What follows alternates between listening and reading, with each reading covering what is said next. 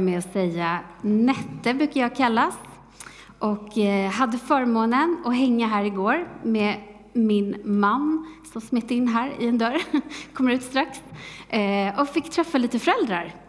Superhärligt var det och eh, nu är vi här och ska få vara med på er gudstjänst. Vilken härlig plats ni har, vill jag börja med att säga. Och så vill jag säga tack till Maria och Thomas för er generositet och Ja, jag talar för oss alla tre. Vi känner oss så varmt omhändertagna. Så här bortskämda har vi fått vara den här helgen. Så superstort tack att vi får vara här. Jag ska ta med er på en liten resa, tänkte jag. Ehm, och jag tänker att ni ska få höra ett litet, en liten historia från Bibeln om en kille som heter Josua. Är det någon som känner igen det namnet, Josua? Ja, det är några här. Och Jesua, han hade, han hade tagit över och leda efter Mose. Och eh, han hade länge gått bredvid Mose. Och eh, när folket för första gången, 40 år tidigare, hade stått utanför Kanas land, då hade Josua eh, varit en av de spejarna som hade gått in i landet. Han hade en bästa kompis som hette Kaleb. Och, eh, de var faktiskt de enda som vågade tro på att de skulle kunna ta över landet. Det fanns mycket mod i den här killen, som ni ser.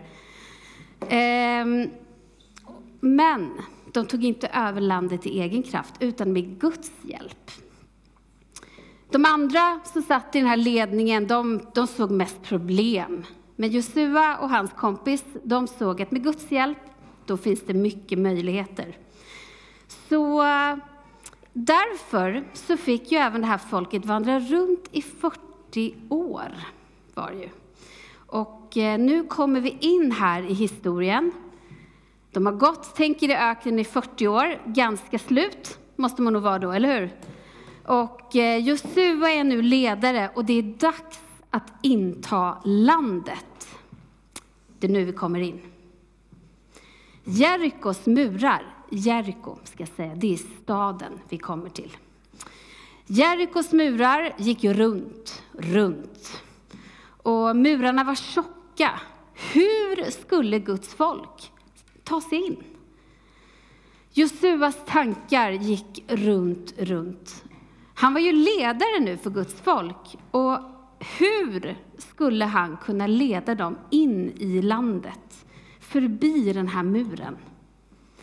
Ängens svärd svingade runt, runt.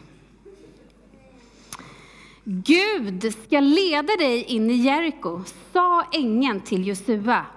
Han har en hemlig plan. Du behöver bara lita på honom. Israels soldater dyker alldeles strax upp.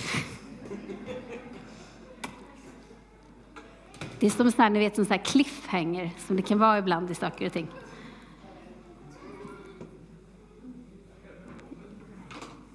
Och det är inte som på TV, där det är så snabba ombyten, för de har inte alltid hela sitt crew med sig här. Men eh, nu ska vi se. Den som väntar.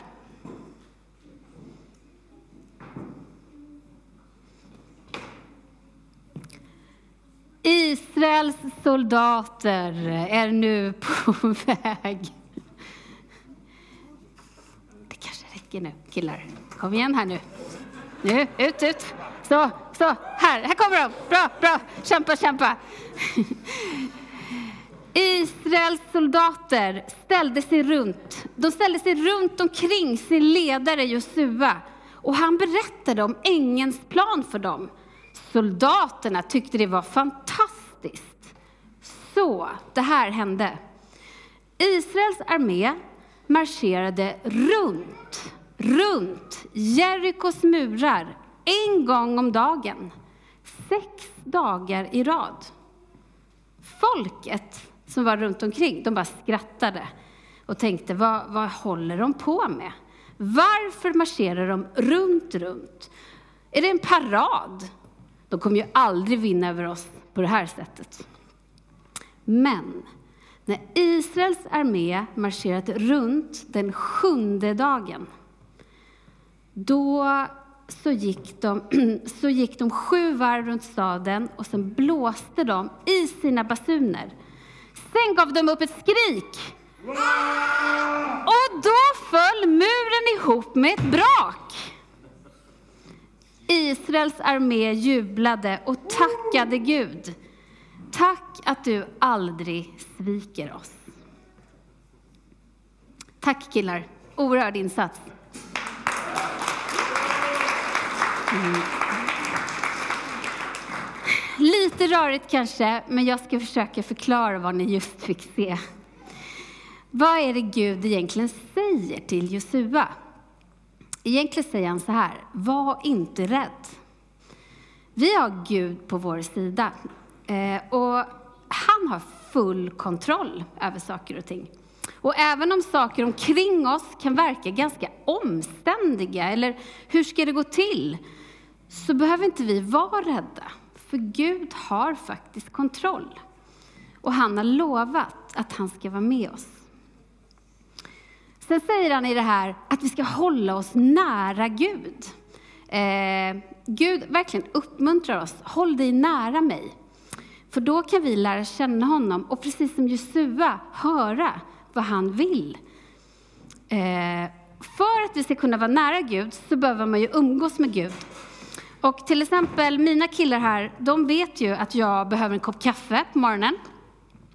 De vet att jag behöver äta så att jag inte blir sur.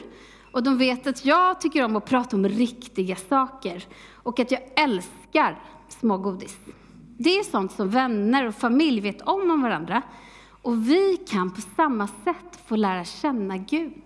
Om vi umgås med honom så kan vi få liksom höra hans röst. Om jag är någonstans och eh, är och handlar och jag och Gabbe är i samma mataffär, då kan jag höra ett litet harklande någonstans i mataffären. Hör jag så här.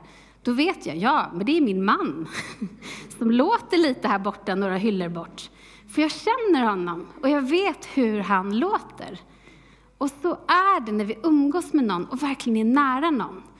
Och det är det jag tror att Josua gjorde för att våga göra det här han gjorde.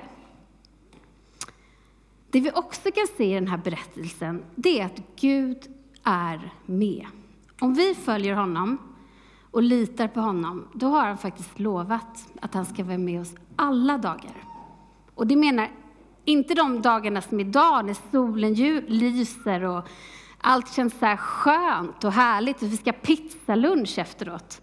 Utan han är även med de här dagarna då det känns så mörkt. Och man bara vill ta, dra täcket över huvudet och man vet faktiskt inte hur man ska orka mer. Då är han också med. I den här berättelsen så säger Gud, det är ju lite märkligt ändå kan man faktiskt tycka, att ni ska gå runt staden i den här muren i sex dagar. Om man tänker så här, det är ganska länge. Och den sjunde dagen, då ska ni verkligen gå sju varv runt, spela och ge upp ett skrik. Och när jag läser den här berättelsen, då kan jag tänka att jag hade nog varit ganska taggad till en början. Så här. Jag ska vara med och gå runt den här muren och satt på mig rätt, känt mig, jag är med Gud, jag ska gå runt och gått den här första dagen och känt mig ganska, nu gör vi det här tillsammans. Nu ska vi bryta det här.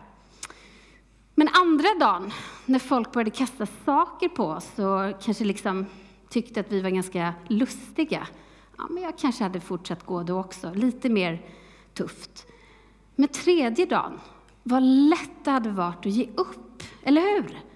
Det är helt orimligt. Ska vi gå i sex dagar runt den här muren? Jag orkar inte mer. Det är ju stor risk att man tänker, jag löser det här på egen hand. Jag tar en genväg, jag hittar någonting annat som gör att det blir bättre och lättare. Eller kanske gått därifrån, för tänk om muren inte rasar, då vill inte jag stå där och vara besviken över att saker och ting inte blev som Gud hade sagt. Orkar jag fortsätta att göra det som inte alltid blir exakt som jag ser eller önskar? Orkar du?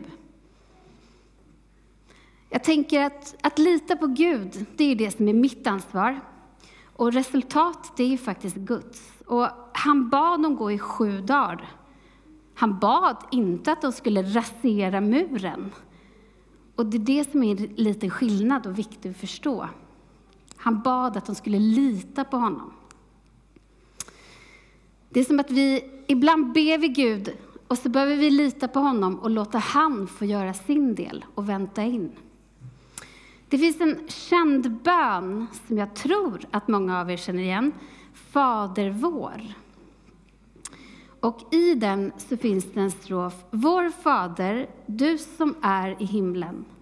Låt ditt namn bli helgat. Låt ditt rike komma. Låt din vilja ske på jorden så som i himlen. Låt din vilja ske, inte min. Min man då, Gabbe här, lämnar jag ut här igen, men han, han älskar att vara kartläsare. Och eh, när vi är ute och reser, han, han tycker det är kul. Och eh, han brukar använda sig av de här Google Maps, och ni vet man kan ta, ibland kan ju de här kartorna visa att man kan ta lite genvägar. Eh, och det kan ta oss fram på alla möjliga spännande småvägar och jag vet inte var vi hamnar ibland, ja ni kan tänka er. Men och de här små röda linjerna då som man ska följa för att man, den här vägen kommer gå tre minuter snabbare om vi tar den, eh, kan ju vara, ja ibland är det bra. Eh, för det kan ju vara trafik och det kan vara köer som gör att vi inte kommer fram som vi tänkt. Men ibland så kan ju den här vägen visa sig komma fram till en stopp stock eller att det är en avstängd väg och det var inte riktigt så som vi hade tänkt. Men det jag har lärt mig lite är ju kanske ibland att lita på att Gabbe löser det där. Och även om det inte alltid blir exakt så som vi tänkt så kommer vi ändå fram på något vis. Och kanske är det det som jag även behöver jobba med med Gud. Att Gud, han vet ju om hur vägen ser ut. Han vet om varför det kommer hinder i vägen, eller varför ibland är avstängt, eller varför det tar extra lång tid. Han har kontroll. Så istället ibland för att försöka ta mig min genväg, så behöver jag låta Gud ta den takt som han har tänkt. Jag skulle vilja berätta en sann berättelse för er. Som heter, den kallas Det ensamma trädet. Är det någon som hört den? Nej. Saharas öken. Är det någon som vet var Saharas öken ligger? Ja, ja precis. Det är, en, det är en stor öken med väldigt, väldigt mycket sand. Och det bor inte så många människor där, för det är så varmt. Eh, och det är mest sand, sand, sand, sand. Vart du än åker så är det sand. Och det är väldigt varmt. Och i den här öken så fanns det faktiskt ett träd. Mitt ute i öknen så fanns ett ensamt träd som stod där. Det hade funnits fler träd omkring det trädet, men de hade alla dött på grund av att det var just så varmt och torrt. Och eh, nu var det flera mil till närmsta träd. Det var 40 mil till nästa träd. Trädet hade ju faktiskt blivit ett ganska bra riktmärke i den här öken. För att om man var ute och körde så kunde man säga, ja, du kan ta till höger om trädet, eller till vänster. Så det var liksom ändå bra att det stod där det stod. Men 1973, då var det en man som var ute och körde och vi kan säga att han körde inte bil så bra. Så han lyckades köra på det här ensamma trädet mitt ute i öken. Så då dog det. Och det var ju lite ledsamt för trädet, kan man tänka, att det försvann. Men det man gjorde då var att man började att gräva. Man grävde och grävde och grävde lite till. Och man grävde så mycket som 30 meter ner.